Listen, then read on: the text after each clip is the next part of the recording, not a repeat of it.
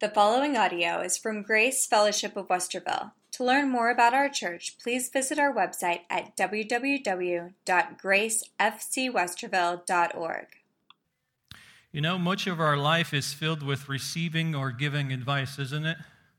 We are shaped by the views of others that we rub shoulders with day to day. We get directions, we get caution, instruction, information, recommendations suggestions from, the peop- from people, whether we ask for it or not, don't we? And when we follow the counsel of others, we acknowledge the counselor's influence in our lives. We give them honor by basing our decisions on what they have shared with us. We demonstrate the value of their advice by heeding to it, even though sometimes their advice may be foolish. And the kind of life we live and the problems we create or avoid will be determined by our ability to wisely discern or recognize foolish or wise counsel. And God does not want us to go through life being ignorant, idiotic, foolish, stupid, or crazy. He does not want us to make fools of ourselves because foolishness in life leads to mega, mega problems and heartaches. And foolishness robs people of their peace. This is why Solomon urged us to make wisdom one of the priorities in our lives. He said in Proverbs 4 7, Wisdom is the principal thing, therefore, get wisdom. In all you're getting, get understanding. And the book of Proverbs uh, works, folks, when we deliberately slow down in our lives and listen and think and journal and pray as we go through this book. It's a book of wisdom. And did you know that for many years, Billy Graham actually read the book of Proverbs each day because there's 31 chapters. He would read one chapter a day. And I think we need to do that too. And you know, when I came to Christ, I think I shared it with you guys before, and I studied the Word of God and Scripture, and it came to me, it was very clear to me that I needed God's wisdom in all areas of my life. And when I read about Solomon, I envied him. It was one of those good envies, not bad envies. And in 1 Kings in chapter 4, it talks about how Solomon's wisdom excelled the wisdom of all men, all men, nations, and from kings, people came to hear his wisdom. Wisdom of Solomon. And I prayed to God, I said, God, I know none of the kings have before and after will have such wisdom because you said so clearly in your word. But you never said nothing about number two. Can you grant me wisdom second to Solomon? My wife says, still waiting on answer on that prayer. Now, the name of this book is Proverbs. Now, there's a old proverb, not a biblical proverb, and you probably heard it. Have you heard this one? Early to bed and early to rise makes the men healthy, wealthy, and wise. You guys hear that? But the problem is, a lot of people go to bed early, get up early, but they're not all that healthy. They're not that wise, wealthy. Going to bed early doesn't make you healthier, really. But what is taught in the God's word will truly make you healthy, wealthy, and wise. If you understand what true health, wealth, and wisdom is, which we'll see here in a little bit. But what's a proverb? Somebody's described the proverb, it's saying that it's a short sentence based on long experience. That is a lot of wisdom that's been crammed up, distilled, packed into a sentence. And that is by a proverb, we can learn from the experiences of other people. So, and somebody said, "Be better learn from the mistakes of others You'll not live long enough to make them all by yourself. And really, we need to learn from the mistakes of others. And, folks, these proverbs in this book, they're not like earthly proverbs, though. Earthly proverbs, like we just talked about, learn from experience. But what we, we have here, not necessarily things learned from the experience. These are truths that are given to us by God, by divine, divine revelation. You know, sometimes simply things being worked out by human cleverness, you know, but these are God's words of wisdom. It's inspiration of the Holy Spirit. Uh, you know, I was thinking about Proverbs, the human Proverbs, and sometimes they're confusing, sometimes they're wrong, and sometimes they're contradictory. You know, we have those one liners. You ever heard of somebody says, look before you leap? But then there's also a phrase that says, he who hesitates is lost. Which one do you take? You ever heard you'll get what you paid for? But then somebody else comes along and says the best things in life are free. You ever heard of leave well enough alone? And then there's another one that says progress never stands still. So these are human proverbs, and there's some truth in all of them. But if you really want to see, uh, you know, based on what person is seeing, but God's proverbs are not merely these short sentences based on long experience. They're not one-liners that sound good, but as you examine them, they're not good after all. Proverbs reveal truth from the Word of God so that God's people can know true wisdom. And today we're going to be talking about the subject of wisdom, God wisdom. Uh, because wisdom is the theme of this entire book of Proverbs.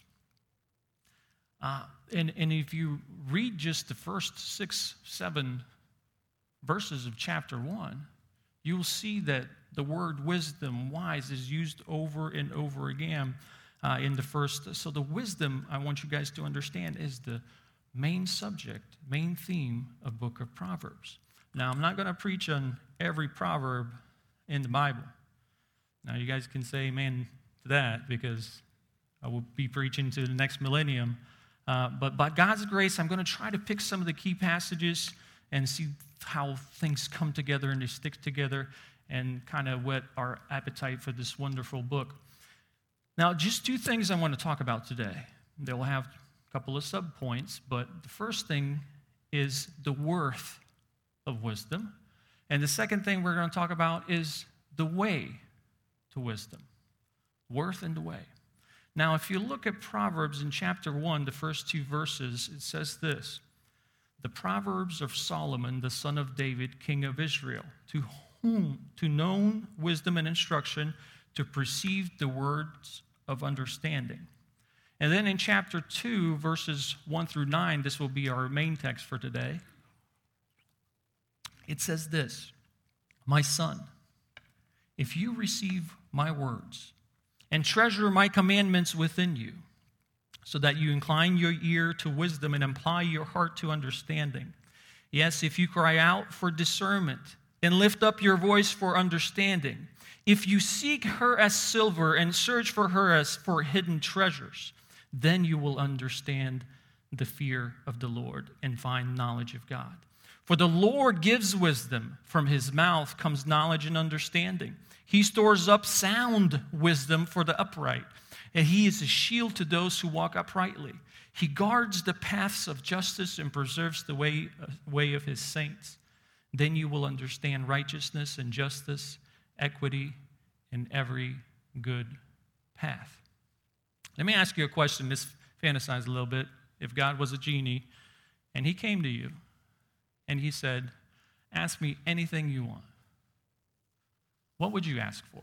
No, I know we're talking about wisdom, but really, what would you ask for? If you were hungry, you might ask for food, right? If you're sick, you might ask for health. If you're an egotist, you might ask for wealth and power. But what would you really ask for?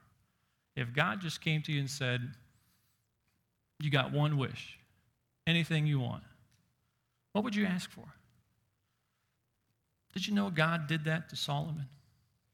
He came to Solomon and said, Solomon, son, what do you want?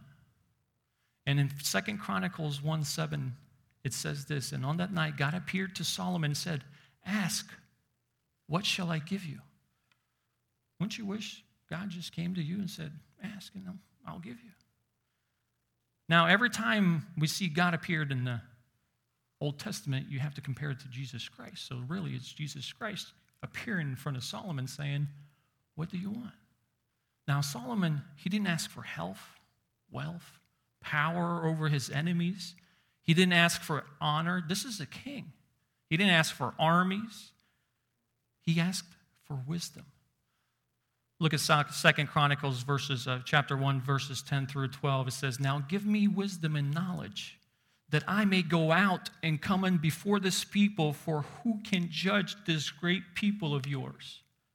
Then God said to Solomon, Because this was in your heart, and you have not asked for riches or wealth or honor or the life of your enemies, nor have you asked for a long life, but you asked wisdom and knowledge for yourself that you may judge my people over whom I made your king. And then in verse 12 it says, Wisdom and knowledge are granted to you, and I will give you riches and wealth and honor such as none kings had ever before you, nor shall any after have the like. That is, Solomon, I'm going to give you this wisdom that nobody's seen before, nobody had, ever had, because you had enough discernment to ask for wisdom. And with that wisdom, I'm going to give you all these other things that people have dreamed or planned, and some people probably sold their souls for. She's going to give them all these treasures because you have asked for the very best. Folks, as a pastor, I desire wisdom to lead our church. And sometimes, you know, people ask me, what, what can I pray for? And just say wisdom. And they ask, what else? Wisdom. If you can do anything for me, pray for wisdom because that encompasses so many other things that come with it. And I desire as a pastor for the people, the members of this church, to have God's wisdom so you can make discernments out in your life. To have God's wisdom, to discern where's heresy, where's not heresy. What are, there's so much things out there. And how do we need wisdom? How much do our leaders need wisdom? And as a matter of fact, the same book of Proverbs in, in chapter 8, verse 11 says, For the wisdom is better than rubies, and all the things one may desire cannot be compared with her. That's why I ask for wisdom, because there's nothing to be compared to wisdom. That's a pretty big statement, don't you think? Everything that is to be desired is not to can't be compared with wisdom. Why is wisdom so important? Why is it worth so much? The Bible puts premium on wisdom. In, the, in chapter 3, verses 13 through 17, it describes it this way Happy is the man who finds wisdom and the man who gains understanding, for her proceeds are better than profits of silver, and her gain is better than fine gold. So it's better than money. You could be a billionaire, but it says William is better, wisdom is better than all that. She is more precious than rubies, and all the things that you may desire cannot compare with her. Length of days in her right hand, and her left hand riches and honor. Her ways are ways of pleasantness, and all her paths are peace. So, why is wisdom worth so much? First, I want to tell you that the wisdom is worth so much becomes because it's the Father who provides it. It's the Father who provides it. The Lord is the origin of wisdom. Look in verse 6, it says, For the Lord gives wisdom, from his mouth come knowledge and understanding. Wisdom and knowledge did not come from the mouths of Buddha, Muhammad, or any other religious leader. Wisdom and knowledge did not come from the mouths of politicians, educators, scientists, philosophers. It came from the Lord. The Lord gives wisdom. Now, I want you to notice something here. Look at Proverbs 1 1 again. It says, The Proverbs of Solomon, the son of David, king of Israel, right? So Solomon is the author, he's the king of Israel, he's the king. Now, in Proverbs 2 1, he says this My son, if you receive my words and treasure my commandments within you. Folks, another thing you'll notice as you read through the book of Proverbs, not only the words wisdom or wise, you will see emphasis on my son. My son. And just to illustrate the point, I'm going to give you a few verses. Proverbs 3 1, it says, My son, do not forget my law, but let your heart keep my commandments. In Proverbs 3:11 says, "My son, do not despise the chastening of the Lord, nor detest his correction." In verse 21 it says, "My son, let them not depart from your eyes. Keep sound wisdom and discretion." In Proverbs 4:10 it says, "Hear, my son, receive my sayings, and the years of your life will be many." In Proverbs 4:20 it says, "My son, give attention to my words, incline your ear to my sayings." In Proverbs 4:1 he says, "Hear, my children, the instruction of a father, and give attention to no understanding." What this means is the book of Proverbs records a loving father's wise counsel to his family. What you have here is Father speaking to his son. Here's King Solomon. He has a son. He loves his son and he wants his son to be successful. He wants his son to be useful. He wants his son to have fulfillment and integrity in life. And he says, There's something I want you to have. I want you to listen. There's something that I desire for you, my son. It is wisdom, it's the promise of the Father. Now, a father who is a king is speaking to his son. Do you understand that? You see, now listen, a father who is a king is still speaking. He's still speaking to his children. It's not just what God has said, it's what God is saying today. It's not only Solomon speaking to his son, but God speaking to his children. And you see, we are the children of God. We children of the king. It's not only Solomon's words, but this is the inspired word of God and those words of the king for his children. And it's important for us to understand because it is the promise of the Father that his children be wise. That's why it works worth so much. God desires for you to be wise. And that's the reason it pleased God when Solomon asked for wisdom. Secondly, it's not only a promise of the Father, but it's a wisdom uh, is the product of a spirit, the Holy Spirit. You see, in verses, first two verses in Proverbs 2, it says this My son, if you receive my words and treasure my commandments within you, so that you incline your ear to wisdom and apply your heart to understanding. Folks, you know, here's inclined to this. There's to be a teacher. There needs to be a teacher. Who's the teacher of wisdom? The Holy Spirit. We are to incline our ear to him. We are to listen to our teacher. And Jesus said he will guide us in all truths. And the Bible calls the Holy Spirit the Spirit of wisdom. Did you guys know that? If you look at Ephesians 1:17, it says that the God of our Lord Jesus Christ, the Father of glory, may give you the spirit of wisdom and revelation in knowledge of him. Now, there's a difference between knowledge and wisdom. You can get knowledge without the Holy Spirit, but you cannot have wisdom without the Holy Spirit. You can't.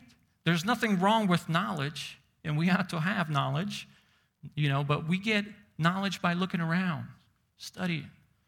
But wisdom comes from above. So don't fail to have knowledge. You know, in 2 Timothy 2.15 says, Be diligent to present yourself approved by God. And the King James Version says, Study to shew thyself approved unto God. So we have to study. But at the same time, we have to understand that all the knowledge is just splendid ignorance apart from that wisdom of God. And the word wisdom is related to the word skill in the Old Testament. We have to live our life skillfully. You know, in Exodus 31, first three verses, this talks about uh, it's an Old Testament. The Bible's uh, the God has given directions how to build the tabernacle, and this is what God said. Then the Lord spoke to Moses, saying, "See, I have called by the name Bezalel, son of Uri, the son of Hur, of the tribe of Judah." And look what it says here in verse 3 And I have filled him with the Spirit of God and wisdom Spirit of God and wisdom, in understanding, in knowledge, in all the matter of workmanship. God gave them a skill to build a tabernacle, but He's really given them wisdom. So, wisdom is compared to skill, and we have to live our life skillfully to optimum, extracting the most out of life and making the most out of life. You become an artist, practitioner, or doctor, I don't know, but how do you use that skill in your life? And a lot of people, the Bible says, and actually in the Bible, you can see there's a lot of great men who were not always wise. And there are a lot of people who have head knowledge, but they don't have wisdom. You know, one of the people I like to share with that is, is Einstein, because everybody knows him, right? When you're doing an illustration, and everybody knows he's smart. He had full knowledge, but he's what I call an educated fool because he did not acknowledge God. And there's some books that I've read, and uh, you know, last sayings of certain people before they die or they come to an old age. And this is one of his quotes.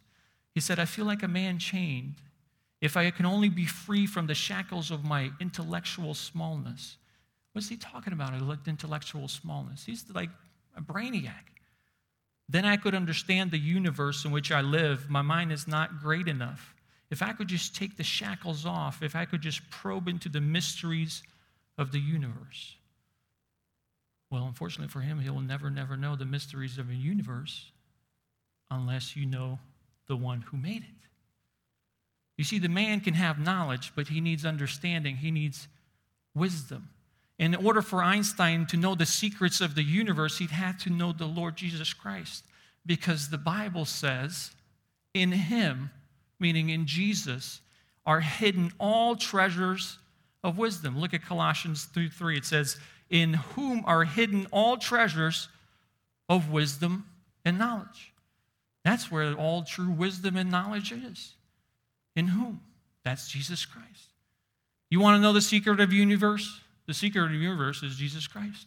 Jesus Christ is the glue that holds everything together. There's no elephants and some turtle that's holding up the, the world, you know?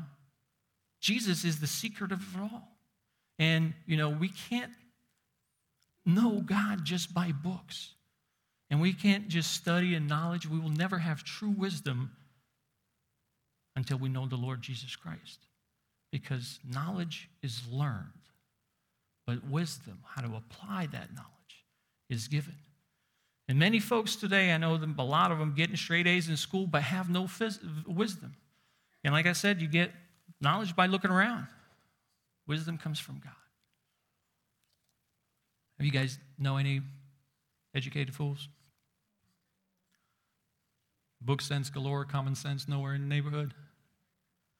I think I shared with you a story before of a wealthy gold miner who had intelligent son destined to take over his business, and he sent his son to a school, finest engineering school, and all he can learn about managing mines. And young man studied hard and proud, received his degree, diploma, and returning to the mines, he said, "I'm ready to go to work for you, Dad. Give me one of your best mines. I'll show you how to run it." Father said, "No, no, no, no, no, no. What you need to do is get in some work clothes and go down in the mines, and you're going to wake." work your way from the bottom up. Said, Father, I just finished school. I got a degree. I know more about mining than you ever will know, due to respect, you know. So give me one of your best mines and I'll prove it to you. So, under his better judgment, he gave him a mine to run. And he was running it for a while and it was good. But then the mine was backed into a lake and he called his father and said, Father, something going on with the mine that seems to be water seeping through. What do you think I should do? Well, his father never replied. So a couple of weeks go by. He calls him up again says, Father, what should I do? There's a leak. I need your advice. I need your counsel.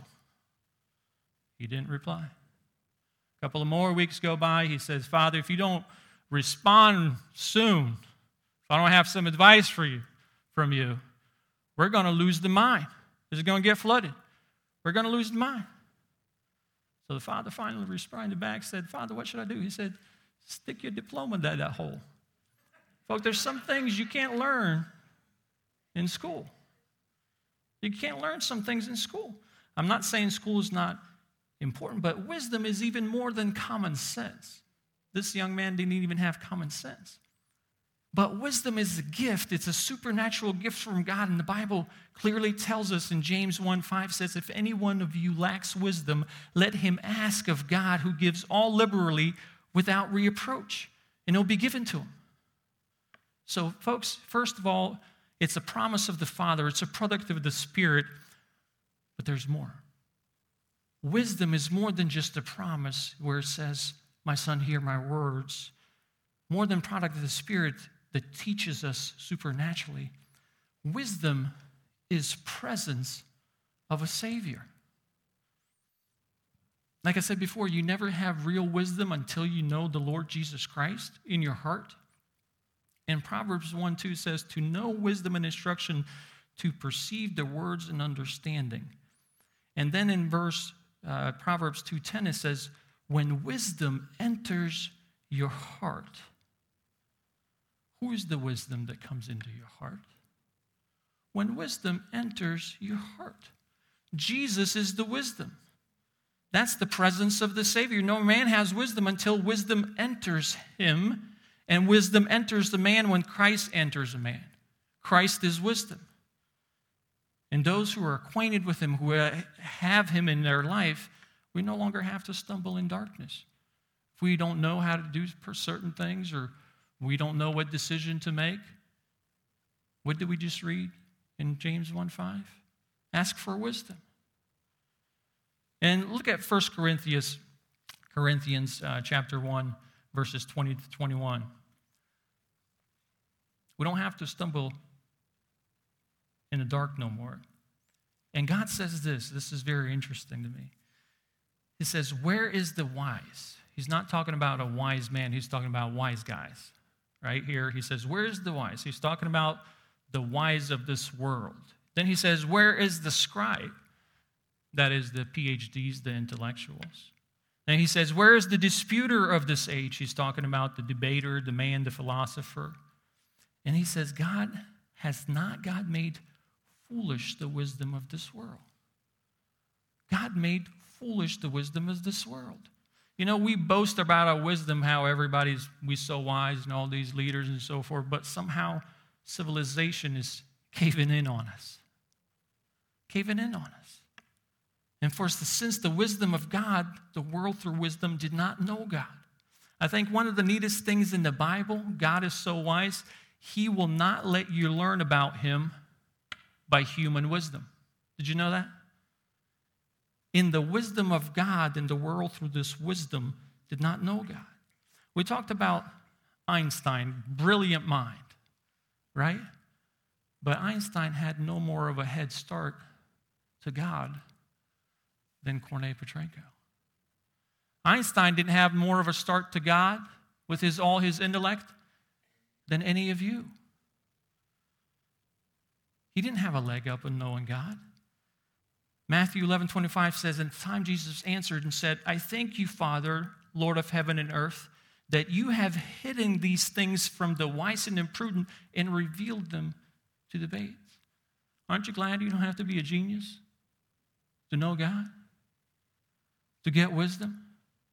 I'm not in, against intellectualism. I'm not preaching against that, but I tell you, you come to God. You come to God heart first, not head first.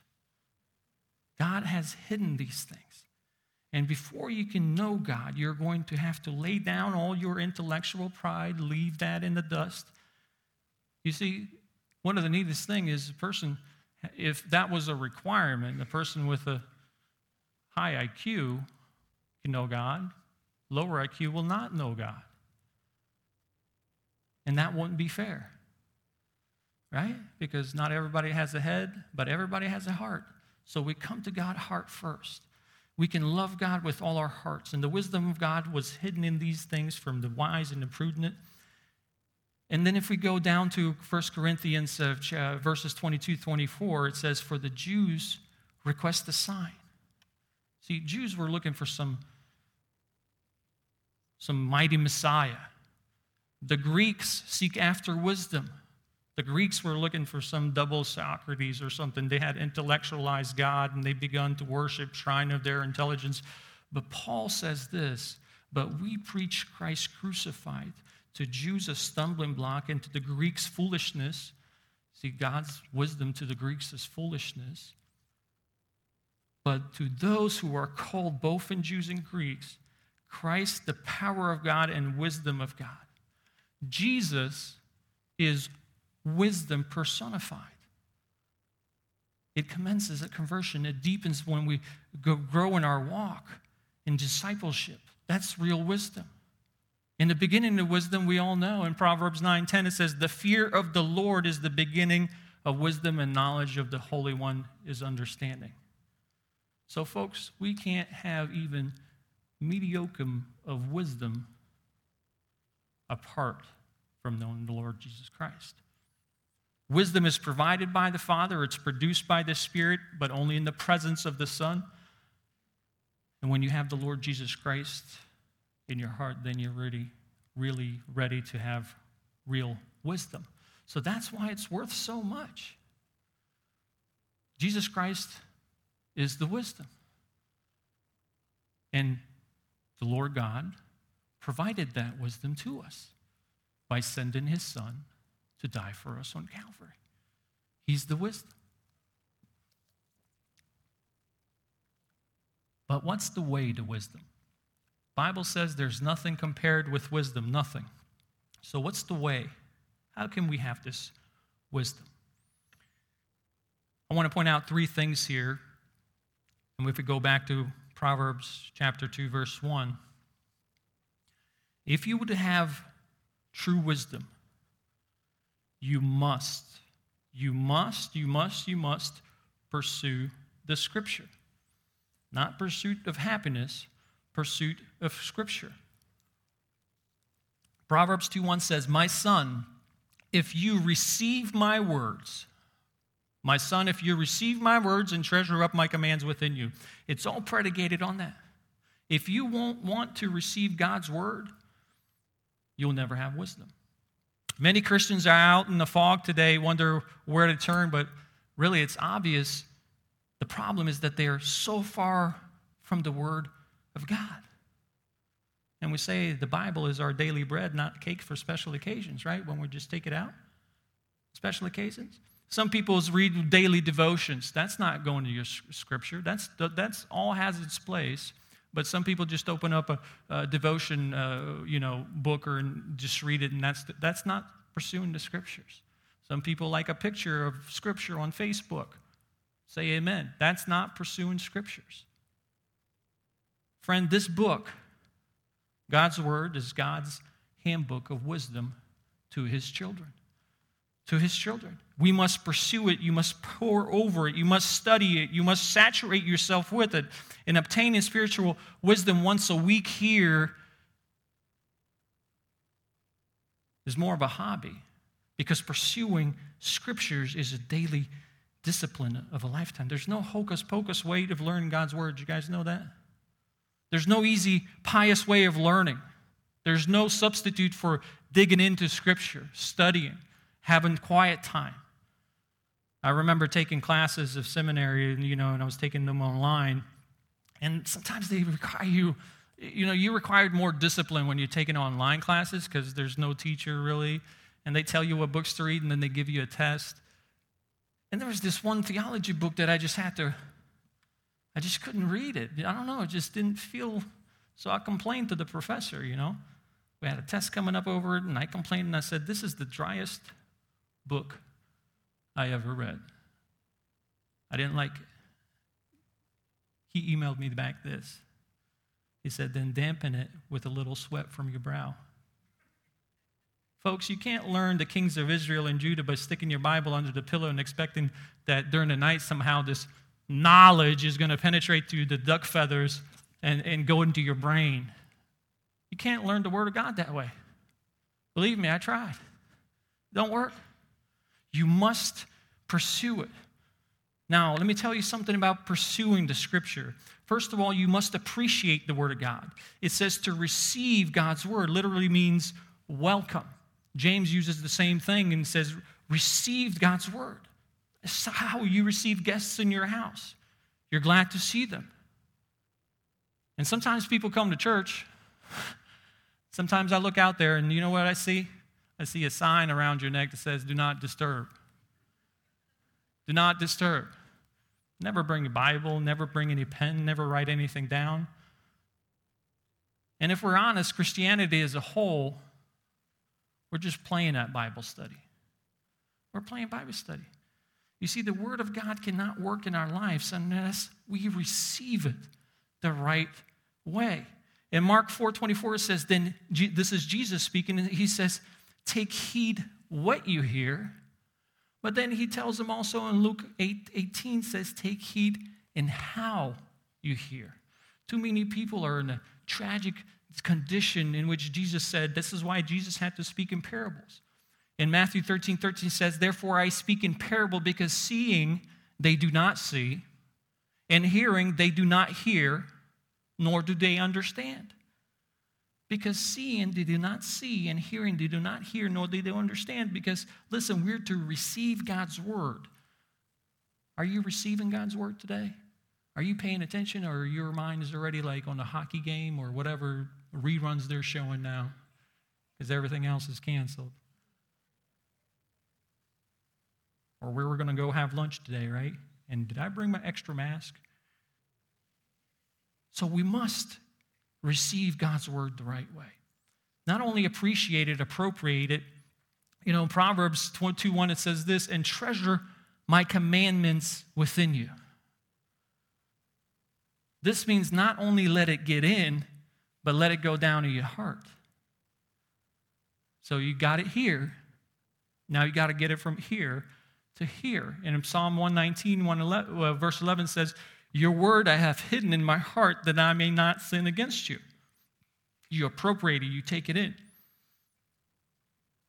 And folks, we already talked about wisdom being Jesus Christ.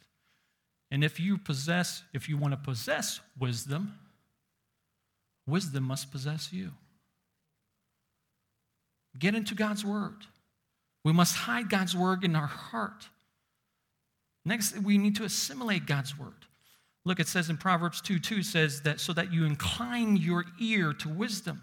Incline your ear, literally have the idea of sharpening the hearing, the idea of tuning in. And then we need to apply it. Because we do all those things, we listen, we get in here, then it gets here. It's still not activated. Wisdom gets activated when you start applying it in your life. And that's what in Proverbs 2 2 says, so that you incline your ear to wisdom and apply your heart to understanding. And the gospel which we possess is not given to us only to be admired, talked about, or professed, but to be practiced. And when you apply it, you get it out of your notebook, get it into your head, then apply it from your head to your heart. It gets into your heart, into your life. You begin to live it out. You begin to apply it. You begin to activate it. In that moment becomes real wisdom. Wisdom is truly just living your life by God's word. I heard a man talk about the fact he much he loved children so much, and one day he was pouring new driveway, and some kids came and wrote in his cement, and he was furious. Somebody said, Well, I thought you loved, I thought you said you loved kids. He said, Well, I love them in the abstract, but I don't love them in concrete. And, I, and there's a lot of people who love God's word in the abstract, but don't apply it in their lives. And we begin to apply the word of God's, God's word in our life. Listen to this study of the Bible gives you knowledge about God. But obedience, when you become applying it, gives you knowledge of God. Did you know that? Knowledge of God. Look at John 14, 21. It says, He who has my commandments and what? Keeps them is he who loves me. And he who loves me will be loved by my Father, and I will love him. And what? Manifest myself to him. Not he who knows about my commandments, about them, listens to them, to them. He says, who keeps them. Then God reveals himself to those people. A manifestation of God to you when you start applying those things. So we need to be man or woman of the Bible. and then we'll be a man or woman or wisdom. That's the first step. Secondly, there must be prayer in our life. Look at Proverbs 2, verses 3 to 5, and we're talking about the way to wisdom. There must be prayer. So, what does he say there? Yes, if you cry out for discernment and lift up your voice for understanding, if you seek her as silver and search for her as hidden treasures, then you will understand the fear of the Lord and find knowledge of God. He's talking about the prayer life and how we're to pray. If he's talking about you cry out for discernment, seek it silver, that's intensity. If you cry out for discernment, look at verse 3 again. If you cry out for discernment and lift up your voice for understanding, this is not a mamby pamby, some wisply type of lay me down to sleep type of prayer. He says, cry out with all function, function, emotion of your mind, body, and soul. Spirit says, God, I want to know wisdom. I need wisdom. And James, the brother of Jesus, tells us in uh, James 5 16 says, Confess your trespasses to one another and pray for one another that you may be healed. And then he says, The effective, fervent prayer of a righteous man avails much. Fervent prayer. It's passionate, intense, heartfelt, emotional. Do you cry out for wisdom when you prayed? Do you cry out for wisdom? Do you seek wisdom? Do you pray fervently? God, forgive, like, you know, sometimes I, I ask for people to pray for wisdom, but sometimes I notice myself, I don't pray fervently enough as it instructs us. Not only that, but we may need to pray persistence, with persistency. If you look at verse 4, if you seek her as silver and search for her as hidden treasures. Suppose you bought a house, or maybe in your house, your previous owner just told you, hey, you know what, before we moved out, I hid some treasures there somewhere, a million dollars.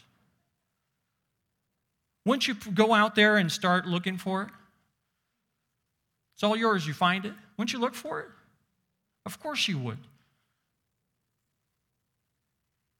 But wouldn't it be great when we start seeking God's wisdom that way? And the Bible says, you know, it's interesting in 1 Corinthians 9:25 says this, and everyone who competes for the price is temperate in all things. Now they do it to obtain a perishable crown, but we for an imperishable crown. When I read this verse, I got to thinking about athletes. Everybody knows LeBron James, right? Tom Brady, the GOAT. Very full time. Okay. I know there's some uh, Steelers fans in here, but so what? You know, but uh, just take any, any athlete. Think about the energy that they put into becoming a professional athlete, to be the best they can. You know, I realized I could not be a professional basketball player. You know when? When my coach took me to, uh, to Ohio State to watch how they practice, I, I, couldn't, I couldn't imagine doing those things. It was good, but to go to Ohio State just to watch them practice, whew, all of that, I don't think so. The energy they put, the, the, the, the sacrifices they make, for what? For a perishable crown. How much more do we have to put energy to get this imperishable crown? In Proverbs 16 16, it says, It's much better to get wisdom than gold, and to get understanding is to be chosen rather than silver. So, how much more we got to do? And second, not only we pray with fervently and persistently, we have to pray with expectancy. The Bible says wisdom, there's nothing compared to it. It's more valuable than rubies. Bible is the thing. that This wisdom, we pray with persistency and expectancy. It says this in verses 5 through 6 then you will understand the fear of the Lord. If you do these things, then you will understand the fear of the Lord and find the knowledge of God. Who, who here wants to find the knowledge of God? For the Lord gives wisdom from his mouth and come knowledge and understanding. That's a promise.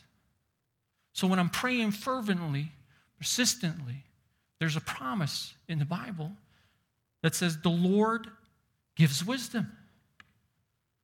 So when you get into the study with fervent, persistent, expected prayer, I will tell you on that on authority of the Word of God, God will give you wisdom.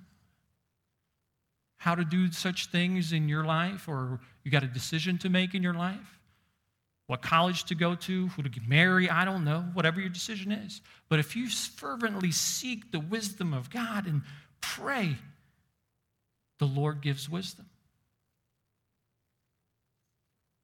And, and the reason I say that is because the Bible says this in 1 John 5 14. Now, this is the confidence that we have in him. If we ask anything according to his will, he hears us. Well, folks, it's God's will that you have wisdom. It's God's will. So when you're praying for wisdom, you're praying in his will. He will hear you. And if you lack in wisdom, keep praying. Just as we read in chapter uh, James chapter 1 5 says, if you lack wisdom, let him ask of God. He gives all liberally without reproach and it will be given to him. It will be given to him. But then he warns us and says this in verses 6 through 8 But let him ask in faith, not doubting. For he who doubts is like a wave of sea driven, tossed by the wind. For let not the man suppose that he will receive anything from the Lord. He is a double minded man, unstable in all his ways. Now, if we pray fervently, consistently, expectantly, God will give us wisdom. Ask in faith. And God is not going to scold us and say, Cornette, how many times are you going to come here asking for wisdom? Don't you have enough? No, God will give it to you. When I'm preparing a sermon, Lord, give me wisdom. What verses? There, I mean, I'm talking about wisdom. There's so much about wisdom. What do I talk about? Give me scriptures, Lord. You're making a decision in your life, maybe where to move, where to do, God, give us wisdom. And this last thing, and I'll be finished. I want to look at verses 7 through 10 in Proverbs. It says, He stores up wisdom for the upright. He is a shield to those who walked uprightly. He guards the paths of justice and preserves the way of his saints then you will understand righteousness and justice, equity in every good path. Isn't what the world is seeking today? Justice, equity. The wisdom enters your heart, and knowledge is pleasant to your soul. And real quickly, I want to say in verse 7, he speaks of sound wisdom. If you look at verse 7, it says, the sound wisdom for the upright. It means wholeness. In Christ, there is soundness. And also speaks of shield. In Christ, there is strength. He's the shield. In verse 8, he's speaking preserving his saints because in Christ there is security. In verse 9, he speaks of every good path. In verse 10, he speaks of pleasantness. In Christ, there is satisfaction. In Christ, there's soundness. In Christ, there's strength. In Christ, there's security. In Christ, there's satisfaction. That's where true wisdom lies. So, if we want to know wisdom, there must be pursuit of Scripture, there must be prayer of the saint. But none of those things are good unless there's a presence of the Savior in your life. In 1 Corinthians 1:30 said, "But of him you are in Christ Jesus, who became for us what? Wisdom from God and righteousness and sanctification and redemption is, is Christ who became for us wisdom from God. Now ask yourself do you have wisdom? Do you have wisdom of God? Run an inventory in your life. Is your wisdom worldly wisdom? Or are you living your life with divine wisdom? You say, well, I don't know. I'm somewhere in the middle. Well, get down on your knees and pray because the entry into wisdom is through faith in God through Jesus Christ. We are saved into wisdom.